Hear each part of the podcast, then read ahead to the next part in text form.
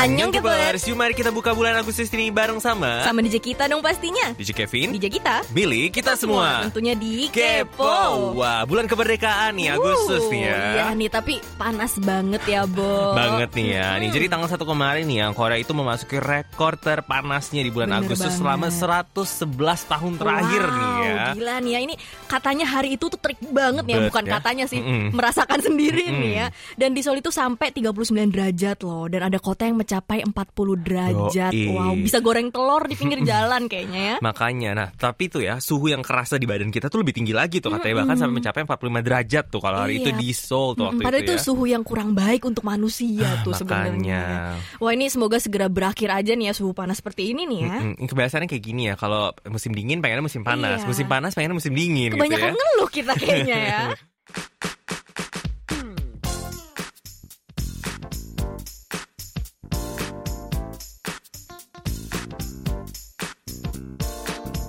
Kupas tuntas berita terbaru, Bareng sama DJ kita di info Celebrities. selebritis. Park Sojun membantah rumor pacaran dengan Park Min Young. Setelah minggu lalu, sebuah media melaporkan bahwa keduanya telah berpacaran secara rahasia selama tiga tahun. Awesome BNT selaku agensi dari Park Sojun mengatakan kalau berita itu tidak benar dan mereka hanyalah teman dekat. Mereka menjadi pusat pembicaraan akibat drama TVN What's Wrong with Secretary Kim. CJENM, Swing Entertainment, dan agensi-agensi dari anggota 101 mendiskusikan perpanjangan kontrak 101. CJENM menawarkan perpanjangan kontrak selama sebulan hingga Januari 2019 agar mereka dapat menghadiri acara penghargaan dan konser megah di bulan Januari. Belum ada keputusan yang diambil dari kontrak mereka yang semula seharusnya berakhir di bulan Desember tahun ini.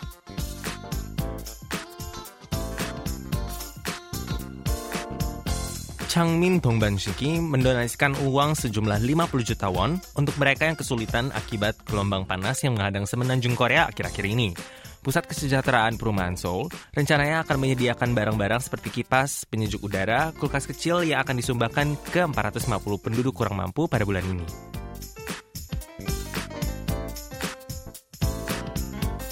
Member Spectrum Kim Dong Yun meninggal dunia. Dia yang belum lama ini berpartisipasi di Mix Nine meninggal dunia pada tanggal 27 Juli yang lalu dan pemakamannya dilaksanakan secara tertutup. Kim Dong Yun sendiri debut pada bulan Mei tahun ini dengan Spectrum dan merilis lagu Light It Up. Semoga arwahnya diterima di sisinya. Super Junior DNE akan comeback dengan mini album kedua mereka yang berjudul About You. Album ini akan dirilis tanggal 16 Agustus yang akan datang dan teaser mereka telah diupload tanggal 1 kemarin. Super Junior DNE yang merupakan duo member Donghae dan Eunhyuk debut pada tahun 2011 dengan lagu Opa Opa. Pada ingat nggak lagu debut mereka ini?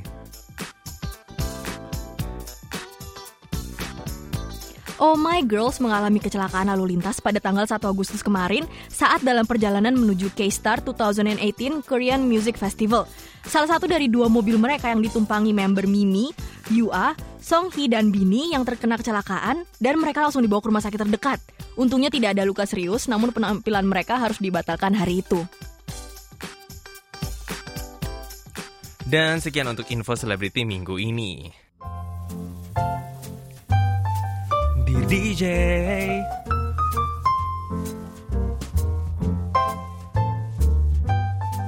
Di DJ. Maaf agak fals ya sepertinya hari ini saya ya. Ya gak apa-apa kok ya DJ kita nih ya Nah untuk di DJ minggu ini nih ya eh, Ada dua nih yang masuk nih ya untuk minggu ini Yuk. Langsung aja kita bacain yang pertama nih ya Ada dari Koyo Takashima Uh, arigato. Uh, Kenapa arigato? Kirain orang Jepang ya, tapi bahasanya pakai bahasa Indonesia katanya ya. Halo KBS World, mau tanya nih, di Korea apakah ada makanan khas daerah masing-masing? Dan terima kasih nih ya. Ini sangat ini ya, eh, singkat padat dan jelas ya pertanyaannya nih ya. Yang pastinya sih kalau mau dijawab ada banget nih Iya, ya. udah dirangkum sama DJ Kevin nih semuanya nih. Karena terlalu banyak eh, ini yang terkenal-terkenal aja nih yang diambil nih ya. Ada andong cimtak nih yang Uh. merupakan ayam nih, ayam yang dikukus ya, bener dong, cim itu dikukus kukus, nih ya. Tapi kayak ada bumbunya gitu. Jadi kalau misalnya kayak makanan Indonesia kayak apa ya? Kayak semur ya oh, sebenarnya ya. semur. Kayaknya rasanya memang mirip semur sebenarnya. Benar, nih. dan ini biasanya nih ya, eh, kalau misalnya tour dari Indonesia, pasti banget ya. Iya. Pasti banget makan ma- makan yang namanya andong cimtak ini ya nggak Mm, sih? Karena rasanya masih familiar, masih sama Betul. gitu Dan juga ya. kan dari ayam gitu kan ya. Eh, Dan lagi dari daerah Degun ya yang terkenal itu napcak mandu nih ya. Oke. Jadi mandu itu kan dumpling nih. Betul. Dan napcak itu pipih ya. Mm-mm. Jadi dumpling tapi pipih gitu bentuknya.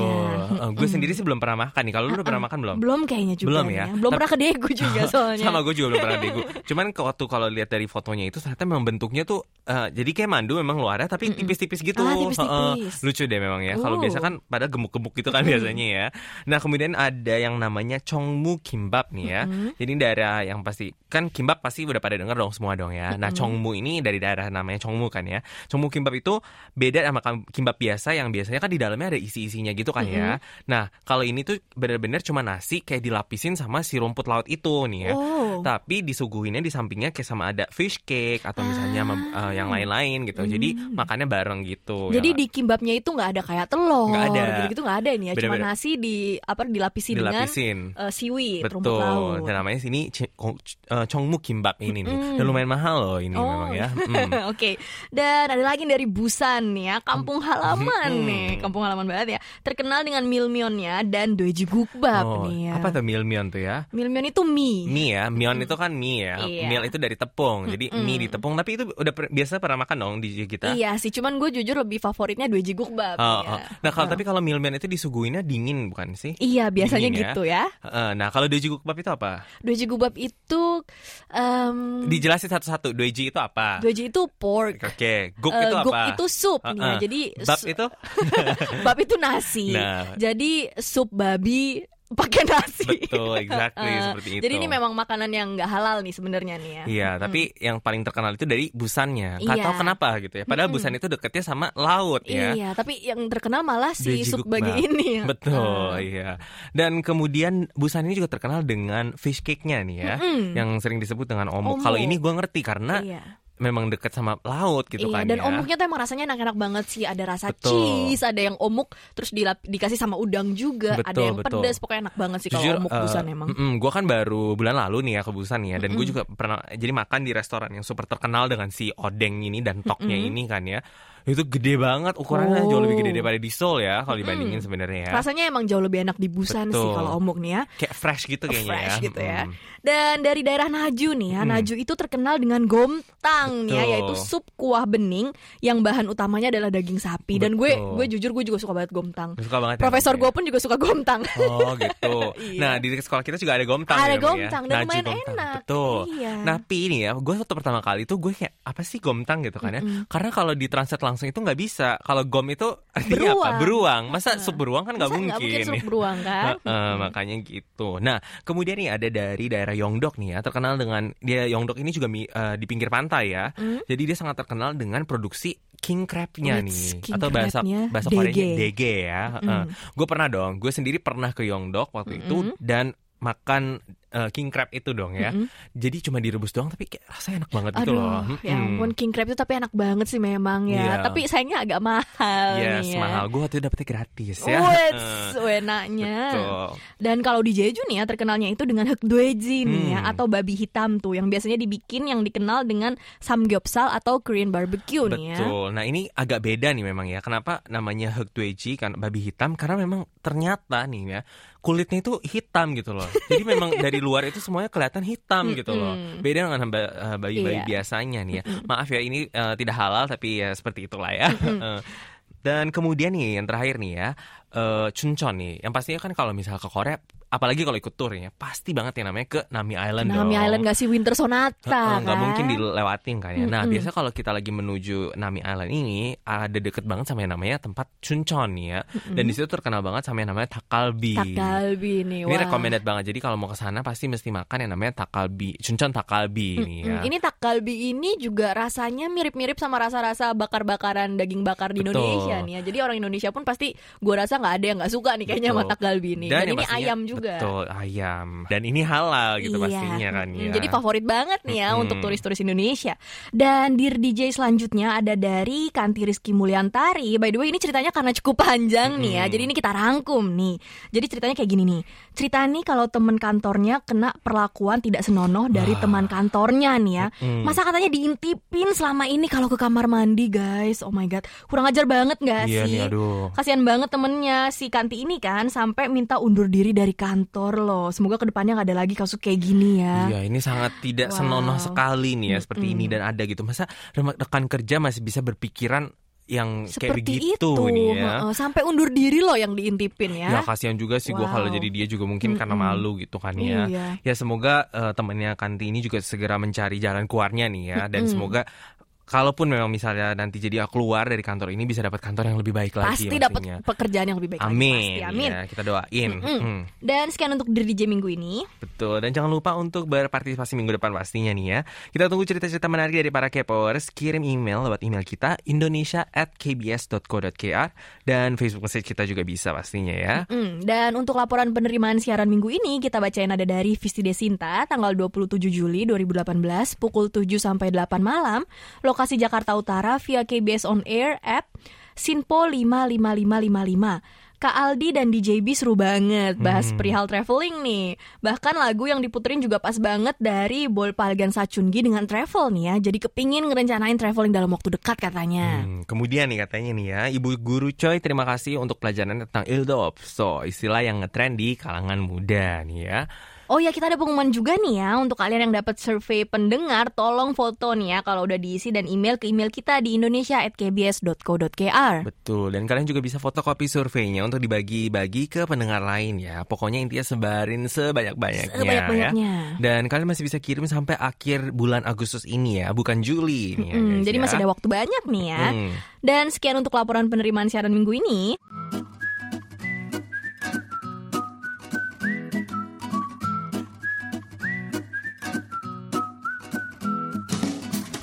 Nah, akhir-akhir ini di Korea semakin besar nih ya komunitas masyarakat tanpa uang yang Wow. kerennya di bahasa Inggris apa nih DJ kita? Bahasa Inggrisnya itu Mm-mm. cashless society nih. Mm-mm. Kalau Konglishnya gimana nih DJ Kevin? Cashiloshi sahe gitu ya. nah, jadi nih ya, kalau di Korea itu awalnya dimulai dengan sistem pembayaran menggunakan handphone ya, Mm-mm. yaitu yang disebut Sam- Samsung Pay nih Iya, ya. ini DJ Kevin suka banget nih ya sama yang Yes. high technology kayak Hmm. bisa bayar sesuatu pakai handphone nih. Sampai DJ Mm-mm. Kevin ngebet banget untuk ngajarin gue Ngebet nih. banget ya, karena dia pakai handphone mahal, tapi nggak dipakai fungsinya semua. Gue kesel gitu ya. Iya, Hmm. tapi karena gue emang suka yang tradisional-tradisional aja sih, Mas. Anyway, Anyway, uh. kemudian tahun ini LG Pay ini ya juga ikutan diluncurkan dan selain itu di Korea juga banyak banget yang pakai Kakao Talk kan dan ada juga yang namanya Kakao Pay nih ya. Betul. Jadi semuanya udah digital nih. Hmm, nah, jadi sistem ini mirip dengan yang pertama kali diluncurin di China nih ya, di mana mereka itu mengirim uh, dan menerima duit itu hanya dengan menulis nominal yang dia mau dan konfirmasi itu bisa pakai biometric sensor yang ada di HP mereka nih ya. Wow, jadi pakai sidik jari nih ya, Hmm. atau bahkan mungkin pakai mata gitu Mm-mm. tuh ya. Apple malah pakai wajah kan Yo, ya. yang baru ya, yang itu masih mahal itu belum bisa dimiliki ya. Nah, kemudian terus uh, jadi nih ya di pusat kota Seoul sendiri, Hmm. bahkan ada juga merchant Starbucks yang enggak lagi menerima pembayaran tunai nih. Uh, jadi Hmm. gimana tuh cara taunya kalau ini nggak bisa terima tunai gitu? Hmm, jadi katanya di depan tokonya itu ada kayak pengumuman gitu di pintu masuknya Hmm. kalau mereka ini nggak lagi menerima cash gitu. Jadi mereka Ah. tulis cashless society Wow. gitu.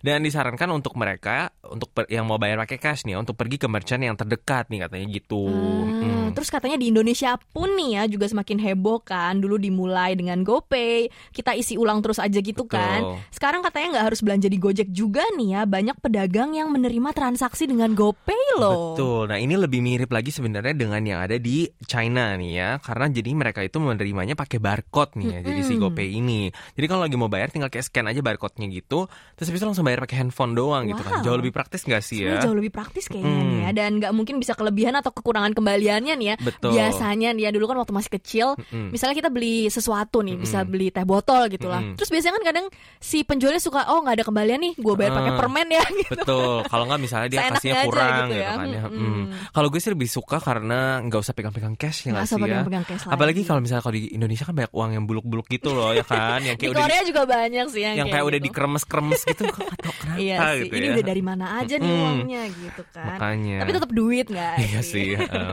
Kita mau dengerin nih kalau para kepor sendiri udah pada pernah coba belum nih pakai transaksi kayak gitu nih, bukan Yoi. cash nih ya. Nah, kemu- langsung aja nih kita bacain yang pertama nih ada dari Nurul Indra. Halo DJ, Uh, udah lama banget aku nggak berpartisipasi nih, makanya ke mana aja Mana nih ya. aja kamu. Aku sering banget transaksi online, tapi bertransaksi secara tunai juga masih sering nih DJ. Hmm. Karena sekarang apa-apa tuh udah serba online, jadi memudahkan kita banget kalau butuh sesuatu. Dan lebih praktis aja, cuma walaupun banyak enaknya dan praktisnya, ada negatifnya juga sih. Jadi kita jadi lebih malas keluar rumah, Bener. keenakan jadinya. Iya. nggak sih? Semuanya online nih ya. Betul. Dan gue yang lebih ngerasa lagi secara yang kita bisa online-online gini ya, lebih sering membeli sesuatu jadinya nggak sih ya? Iya, Karena tinggal cuma kayak ya udahlah kita Gak kan kerasa mengeluarkan uangnya Exactly, juga, gitu. jadi nggak kerasa uangnya berkurang, Betul. jadi semakin banyak belanja Exactly. ya. Tiba-tiba kalau misalnya kalau dulu tagihan gitu keluarkan ya. Gue sih nggak pakai kartu kredit ya. Iya sama sih. Mm, seperti itu kan ada banyak Cuman tetap aja gitu ya. kan di buku banknya kayak kenapa berkurang Mm-mm, gitu. gitu. Mm-mm. Dan selanjutnya ada dari Novi Eka Stiani. Halo DJ, udah banyak banget nih DJ bentuk transaksi online. Apalagi semenjak banyak ya situs-situs all shop kayak gitu. Kalau aku sendiri seimbang aja sih DJ antara tunai sama transaksi online-nya. Uang tunai paling dibutuhin kalau aku mau jajan di warung terdekat Hmm. sekolah. Karena mereka nggak menyediakan mesin ATM apalagi barcode kan. Masa iya sih beli tahu bulat pakai ATM atau di Hmm. barcode kan? Kalau barcode aku belum pernah sih DJ katanya gitu. Mungkin suatu saat ya. Eh tapi siapa tahu nih ya katanya di Iya. Jakarta pun nih ya yang pedagang-pedagang yang kaki lima di tengah jalan itu udah pada pakai barcode loh. Iya, Heeh. mungkin perlu ditanya dulu nih, Bang punya Iya. barcode nggak? Mungkin dia malah lebih trendy loh abangnya Atau mungkin kamu. dia lagi sedang dalam proses gitu Oh, lah ya. mungkin aja ya. Nanti semoga mungkin ke depannya nih ya kita ke Indonesia semua udah pada pakai barcode Iya. gitu kan as- asik nih ya. Nah kemudian ada dari Dharma nih ya. Hai DJ, sepertinya begitu ya DJ ya. Lebih banyak bertransaksi via online. Tapi bagaimanapun, uang tunai tetap dibutuhkan karena di Indonesia belum semua tempat menyediakan fasilitas non tunai. Hmm. Menurut saya tergantung DJ. Kadang uang tunai dibutuhkan secara mendadak dan tiba-tiba.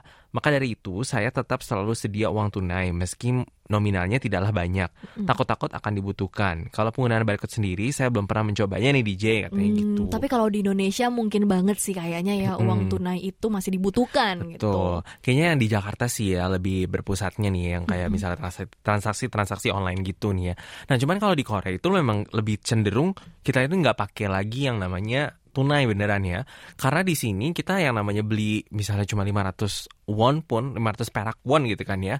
Itu bisa pakai kartu ya nggak sih ya? kartu, iya. Sedangkan kalau gua nggak ngerti sih ya kalau sekarang gimana. Cuman kalau dulu waktu saya ingat gua kalau kita misalnya mau pakai eh, gesek di ATM itu ada nominalnya Ada nominal minimalnya. minimumnya ya. Iya, Hmm, gitu. Bener banget.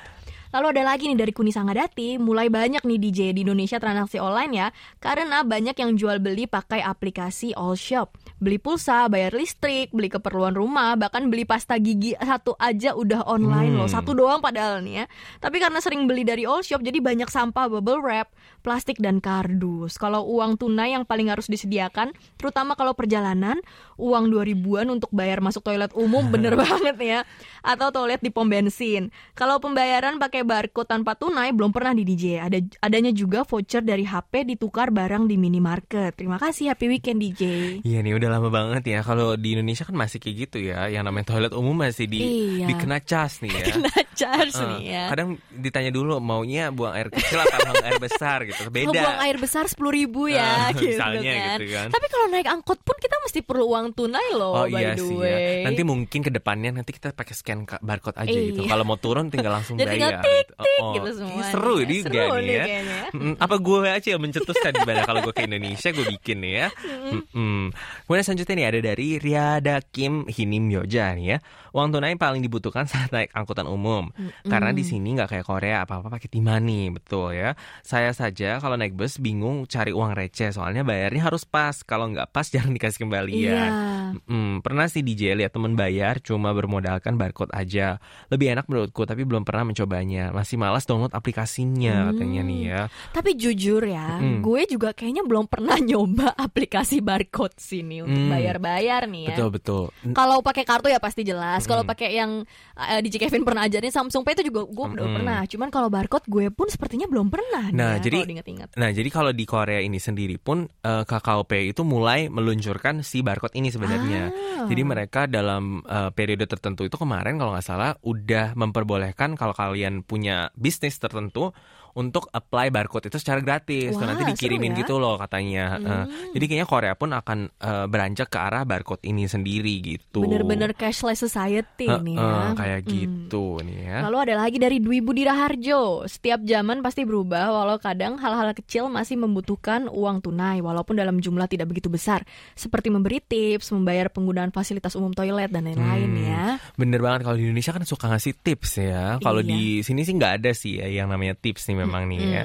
Jadi gua pun sendiri eh, karena cenderung terlalu banyak pakai kartu yang benar yang tadi seperti yang Ridi Hakim ini Mioja bilang sendiri pun kalau misalnya transaksi pun pakai T-money gitu kan ya. Kalau di Korea nih ya. Kalau di Korea, kalau lu T-money di charge lagi setiap bulan atau gimana? Kalau gue ngecharge setiap kali uangnya habis, di Timani gitu. itu sih kalau gue. Kalau ya. gue itu disambungin sama gue punya Bank account. bank account. Jadi gue nggak pernah lagi yang namanya perlu untuk ngambil duit tunai untuk ngisi si Timani itu Hmm, sendiri. Jadi DJ Kevin ini ceritanya udah kayaknya udah sama sekali nggak pernah megang cash nih ya Hmm, kayaknya. gue ya. masih kalau gue sih masih yang paling kayak eh, mungkin let's say ngambil kayak tiga puluh ribuan gitu loh Ah. nggak pernah dalam yang kayak bener-bener gede banget Iya gitu di dalam sih. dompet gue sih gitu karena yang Benar. tadi dibilang supaya sebuah cuma sekedar buat jaga-jaga gitu kan ya Iya benar-benar. Mm, kemudian selanjutnya ada dari Waluyo Ibn Dishman ya. Saat di Jakarta, saya selalu menggunakan e-money mau ke minimarket ataupun berpergian pasti pakai itu. Menurutku simpel sekali tanpa ribet uang kembalian. Sayangnya kartu e-money kalau hilang duitnya hilang juga, beda sama ATM. Kapan e-money digunakan? Bagi saya kalau merchantnya punya mesinnya ya gunakan. Berhubung Indonesia kan luas bukan Jakarta saja, terlebih pemerataan ekonomi belum benar-benar rata. Jadi saya menggunakan e-money hanya sesekali saja. Semoga tahun selanjutnya semakin banyak merchant e-money biar ke mana-mana nggak bawa uang kas banyak nih katanya Iya, ya. Gimana ya kalau di Hmm, Jakarta baru pertama kali dengar nih ya. Mm-mm. Kalau misalnya dulu itu yang ada kayak flash ya nggak sih? Flash, ya? iya. Hmm. Kalau bayar tol nih ya, oh, bayar tol sama bayar ya. parkir. Ito gitu kan Iya, ya. soalnya eh papa mama saya juga sering banget pakai flash gitu. Nah cuman bedanya kalau yang kayak flash atau gitu kan suka di harus diisi ulang kan. diisi ulang sih kayaknya nih ya. Itu Cuman yang- kayaknya kalau flash pun diisi ulangnya nggak kayak em, kayak misalnya gue gitu kan mau ngisi ulang timani gue, gue mesti punya cash kan. Heeh. Cuman kayaknya kalau flash tuh bisa dikirim lewat Betul, transfer betul, deh transfer. kayaknya. Trans- Kayaknya ya don't quote me. nih Bener ya. bener bener dari transfer gue juga kemarin kan baru pakai flash juga nih harus ditransfer. Cuman tetap aja yang namanya transfer itu kan ada satu langkah yang harus Satu langkah yang dilakukan, dilalui ya kan? nih ya, benar. Nah, hmm. Mm-mm. Dan ada lagi dari Azra Zerazil, kalau aku belum pernah mencoba transaksi online katanya. Paling sering sekarang masih membayar pakai uang cash. Tapi kalau ada kesempatan untuk merasakan hal itu, mengapa tidak? Karena memudahkan kita tidak perlu lagi bawa uang yang banyak. Betul. Ini sangat direkomendasi sih sebenarnya nih ya. Iya. Nah DJ kita juga nih ya pakai tuh ya gue? handphonenya dipakai ya tolong ya. Ada Iya teknologi. Sih. Sebenarnya ada teknologi nggak gue pakai tuh memang wasting Tapi time banget. nggak tahu ya selama gue waktu gue pakai Samsung Pay ini ya itu sangat enak banget karena kita Wets. cuma perlu keluar bawa handphone Ambasador doang. banget nih Kevin nih ya.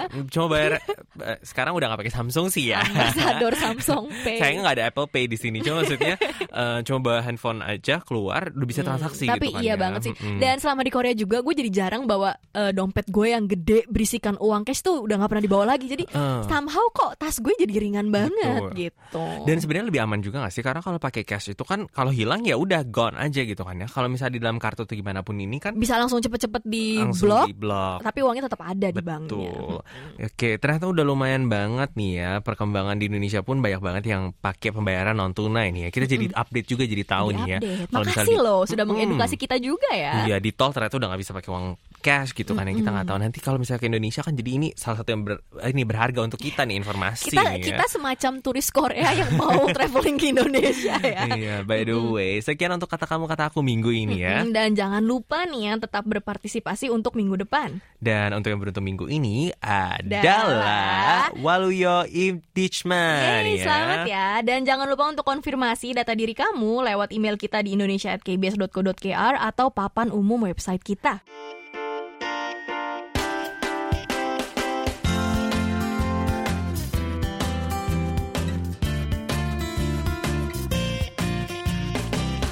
Amel, annyeong. Annyeong, Kevin, Yugita, apa kabar? Baik dong pastinya. Lu sendiri apa kabar Mel? Gue juga baik nih, Alhamdulillah ya. gue bawa cerita yang paling seru nih hari ini. Wait, padahal baru opening tapi kayaknya udah gak sabar banget. gak sabar, udah gak Iya, sabar. pengen ceritanya. Emangnya lo habis ke mana sih, Mel? Jadi tahu kan belum lama itu gue ngepost di Instagramnya KBS Hmm. tentang betapa gilanya antrian dari 101 Let's- Pop-Up Store. Oh ya gue lihat gue lihat tuh waktu itu lu datang kayaknya pagi terus kayak mereka tuh udah sampai panjang banget kan sudah antriannya. Iya, sampai di banget. stationnya langsung Mm-mm. juga nih ya dan si Amel juga ngirim fotonya ke gue kan dan itu shock banget sih ya. Gue ngirim foto ke Gita, ke Ibu Hong juga. Heboh ya. Kaget banget karena baru jam 9 pagi kalau nggak salah dan Wow. tokonya itu belum buka karena tokonya di dalam mall kan. Tapi udah ratusan orang ngantri dari Wih, depan Silote ya. Mall itu sampai ke stasiun subway-nya Jamsil. Mel, mereka tuh pasti fix banget nih kayaknya kalau mereka-mereka itu nginep kali banget ya. dari Eh, sebelumnya pasti ya. Makanya itu gue rasa Subway tutup mereka tetap nginep di dalam situ ya. Nah, tapi kayaknya lu sering banget deh ke pop up store nih ya. Tapi nggak pernah sampai kayak gini ya. Nggak pernah pernah yang sampai sengantrinya heboh kayak gini sih ya. Hmm. Ini namanya juga one on one gitu kan. Dan Hmm. pop up store ini eh, bukanya tuh cuman 10 hari aja nih Oh, Kev, nih. terbatas ya. Terbatas kan dari tanggal 20 hingga 29 Juli kemarin. Jadi gue tuh pergi ke sana gue inget banget tanggal 24 Juli Hmm. itu hari keempat dibukanya dan hari Selasa pagi bukan weekend Bukan tapi weekend antriannya loh ya. ampun. Wow, dan itu udah hari keempat loh. Mm-mm, Harusnya kan makanya. euforianya mungkin kayak udah hilang gitu ya, tapi masih banyak Hmm. yang ngantri loh ya. Dan gue yakin banget kayak powers lihat yang lihat postingan Instagram kita juga pasti shock banget nggak Pasti sih? Udah kayak orang di pengungsian mana gitu kan habis ada gempa bumi gitu kayaknya. Ada yang tiduran segala kan. Padahal cuman demi datang ke sebuah toko ngeliat artisnya aja pun enggak loh ya. Kalau ngantre konser sih masih gue bisa maklumin gitu Iya, ya. ngeliat sesuatu yang Ini tuh bergerak. kayak cuma demi masuk ke sebuah toko gitu nginep segala. Gitu kan yang kayak mau dibilang apa gitu kalau misalnya bonyok lu di rumah kayak ini anak gue ngapain sih gitu ya nggak sih kayak maaf pak aku mau nginep ya mau ke toko gitu di stasiun bahkan ya. Ya ampun Gitu. Tapi sebenarnya masih untung nggak sih di Korea? Ini look at the bright side-nya di Korea tuh aman kan Betul ya, banget. nggak akan terjadi apa-apa. Kalau di Indonesia ngeri banget nggak sih? Sebenarnya nggak kebayang Wah deh nggak gue. bisa itu nggak bisa banget kalau Nginep di apa namanya stasiun subway, apa namanya sih? gambir Busway, gitu ya busway. wah udah di selesai kereta gitu ya nggak bisa banget ya iya. Dan anyway jadi hari itu tuh kan gue menyerah ya. Dari Hmm. 24 Juli itu gue menyerah dan akhirnya gue pulang kembali ke rumah. Hmm. tapi bukanlah Amel kalau sampai situ saja ya. Jadi eh, karena gue juga melihat komen-komennya kok di Jamel pulang sih? gitu. Oh Itu gitu. jahat banget ya banyak loh yang komen gitu. gitu oh loh gitu. Semangat dong demi fans sejati gitu. Terus akhirnya gue kembali pergi ke sana lagi nih di Wow. hari terakhir pop up store-nya buka itu. Oh. Gila, semangat ya nih ya. Demi laporan untuk kalian semua loh Yes. guys. Ini Iya. kalian harus mencintai. Ini awas aja kalau nggak pada nggak denger ya. Jadi meskipun saat itu barang-barang yang dijual tuh gue udah pada sold out ya juga ya. udah pada sold out Cuman ya ya tetap aja, penting kan gue bisa masuk ke sana dan bisa Mm-mm. foto-foto di sana juga kan. Dan emang di sana gue bukan buat belanja karena nggak ada duit juga, cuma untuk melihat suasananya aja demi Oh. K-popers nih. Wes. Gitu. jadi demi untuk konten dari Korea Ini, yes, ini ya. hashtag exactly. cinta untuk dari Korea Iya dong. Nah terus gimana nih feeling lo setelah akhirnya berhasil berkunjung ke sana nih? terharu banget ya pastinya ya. Padahal gak ada artisnya tapi terharu. dan pas gue ke sana tuh udah sepi banget dan sebagian besar merchandise-nya kan udah terjual ya. Mm-mm. Tapi yang masih tersisa itu ada pulpen, agenda, gantungan kunci, bantal leher, kaos, figura foto sampai koper. Jadi masih banyak banget yang tersisa Oh. padahal yang udah sold out itu lebih banyak lagi kan Oh berarti. gitu. Hmm. Ini barang sisaannya nih ya. Iya. Dari yang paling murah bulpen ada sampai yang paling mahal koper, Koper ada. ada. ya. Ada semua ya nih ya. Tapi berarti banyak banget ya jenis barang yang Banyak dijual banget. nih ya. Hmm. Kalau harganya tuh kayak berkisaran berapaan sih? Mahal nggak? Hmm, pastinya lumayan menguras kantong ya harganya yang harga itu mulai dari lima ribuan tuh yang tadi pulpen agenda gitu sampai puluhan atau ratusan ribu deh kayak Betul. kopernya gue juga agak lupa tapi menurut gue kualitas dari merchandise-nya se- sendiri pun oke jadi printan Hmm. fotonya tuh jelas dan bagus gitu lah Dan ini kan Iya. official gitu Yes, kan ya. Nggak burem-burem gitu ya. Kalau Ah. kena air ludah, eh, kegeser gitu tintanya. Bukan perinannya nggak buram-buram gitu kan ya. Eh, Tapi walaupun mahal pun pada masih bela-belain ngantri nih ya. Makanya dan gila ya. lucunya juga nih, jadi di bagian kasir tuh ada dua jenis kasir gitu Oke. loh. Buat yang beli sedikit sama yang buat borong. Ah. Jadi kan banyak banget orang yang borongnya sampai bobo Mm. koper segala macam. Mm-mm. Makanya dibedain kasirnya. Ini agak diskriminasi ya. Eh lu yang bayar yang kere ini. sini ya, Iya, tolongin. gitu. yang tajir sebelah sini gitu. kelihatan banget yang kere siapa. Tapi kalau disamain nanti kesian gak sih yang cuman mau beli pulpen doang seharga Oh, lima iya ribu sih. won Oh. gitu Maksudnya, kan. Gitu maksudnya dia ya. harus ngantri lagi kan kesian Iya. ya. Kesian juga gak sih petugas kasirnya sebenarnya. Kalau gue jadi petugas kasirnya gue nggak mau ditaruh yang di tempat yang mahal ya. Capek ya gini Harga ya. sejam kas, eh, petugas kasir yang barangnya banyak harusnya lebih tinggi. Harus. Lebih mahal ya gajinya ya. Ya. Anyway, ini ya. Anyway. Tapi mungkin gue kalaupun di sana nih ya sebagai misalnya gue fansnya One on One gitu ya. Berat one on one. Apa fansnya One on One Wannabe Wanna- ya. wannabe. Mm. Wannabe. Wanable. Wannabe siapa ya? Gue kayak oh, oh One Piece. Wanable. Wannable ya. Wannable. Itu mungkin gue juga ke sana langsung pasti borong gak sih ya? Terus habis itu mungkin gue bisa jual lagi gitu. Apalagi kalau ya udah ya? ngantri dari semalam ya masa Hmm. beli cuma pulpen kan sedih gitu kan. Iya, makanya. Jual mahal terus ditambah lagi ongkos ngantrinya gitu kan. betul. Dan selain Usaha Mel, usaha ini harus. boleh nih siapa yang mau Jual koper kan sekarang Udah tuh lagi juga tren ibu bapak. Nanti jadi goods dari Korea loh ini.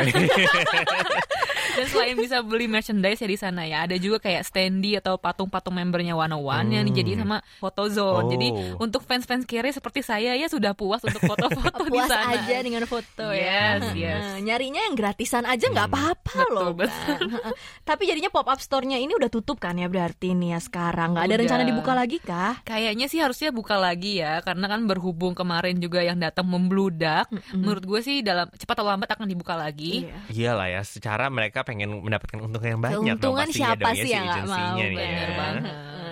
Dan penasaran banget nggak sih nih ya guys sama foto-fotonya bisa dilihat di website kita kan pastinya? Yup, seperti biasa dokumentasinya bisa dilihat ya di world.kbs.co.kr/indonesian. Oke deh, thank you ya Mel. Ketemu lagi minggu depan ya. Sip, sampai ketemu lagi minggu depan ya Kepers untuk kamu dari Korea.